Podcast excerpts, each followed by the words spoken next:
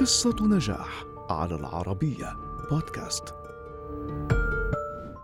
متسرب من المدرسة محتال منحرف يبتز الأقليات العرقية وربما مشروع مجرم يتعاطى المخدرات. هكذا كان يمكن أن تكون حياة مارك ويلبرغ الذي انتشلته الموسيقى من عالم الإجرام إلى هوليوود. فما قصته؟ ولد مارك روبرت ويلبرغ عام 1971 في بوسطن. كانت والدته ممرضة ووالده سائق توصيل وهو الأصغر بين تسعة أطفال. انفصل والداه وهو في الحادية عشرة ما أثر على سلوكه بشكل كبير.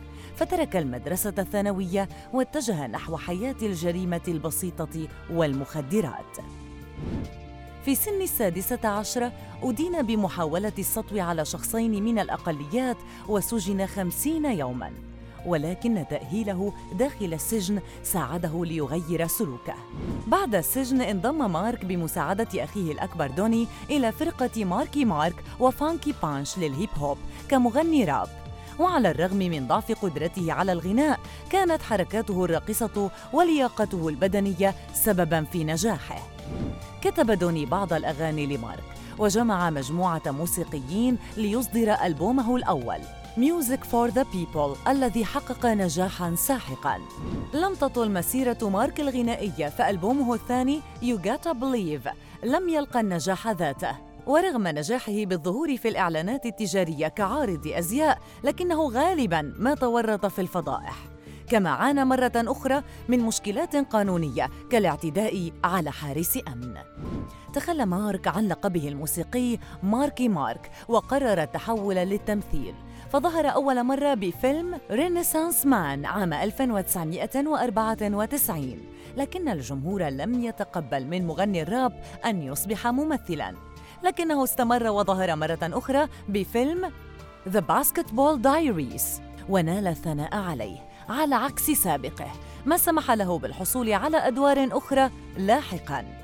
مع كل فيلم جديد كان مارك يحقق نجاحات غير مسبوقة حيث يوجد في رصيده 64 فيلما على الأقل.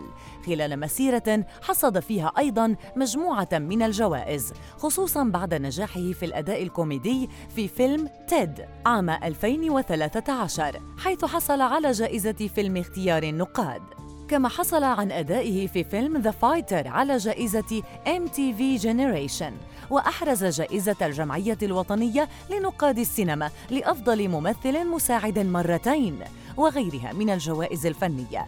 كما تم ترشيحه لأكثر من خمسين جائزة بما في ذلك جائزتا الأوسكار وجائزتا Golden Globe وسبع جوائز Primetime Emmy قام مارك بالإنتاج التنفيذي لمسلسلات تلفزيونية. مثل Boardwalk Empire 2010 و In Treatment 2008 و Entourage 2004 مارك الذي كان من الممكن أن يصبح مجرماً.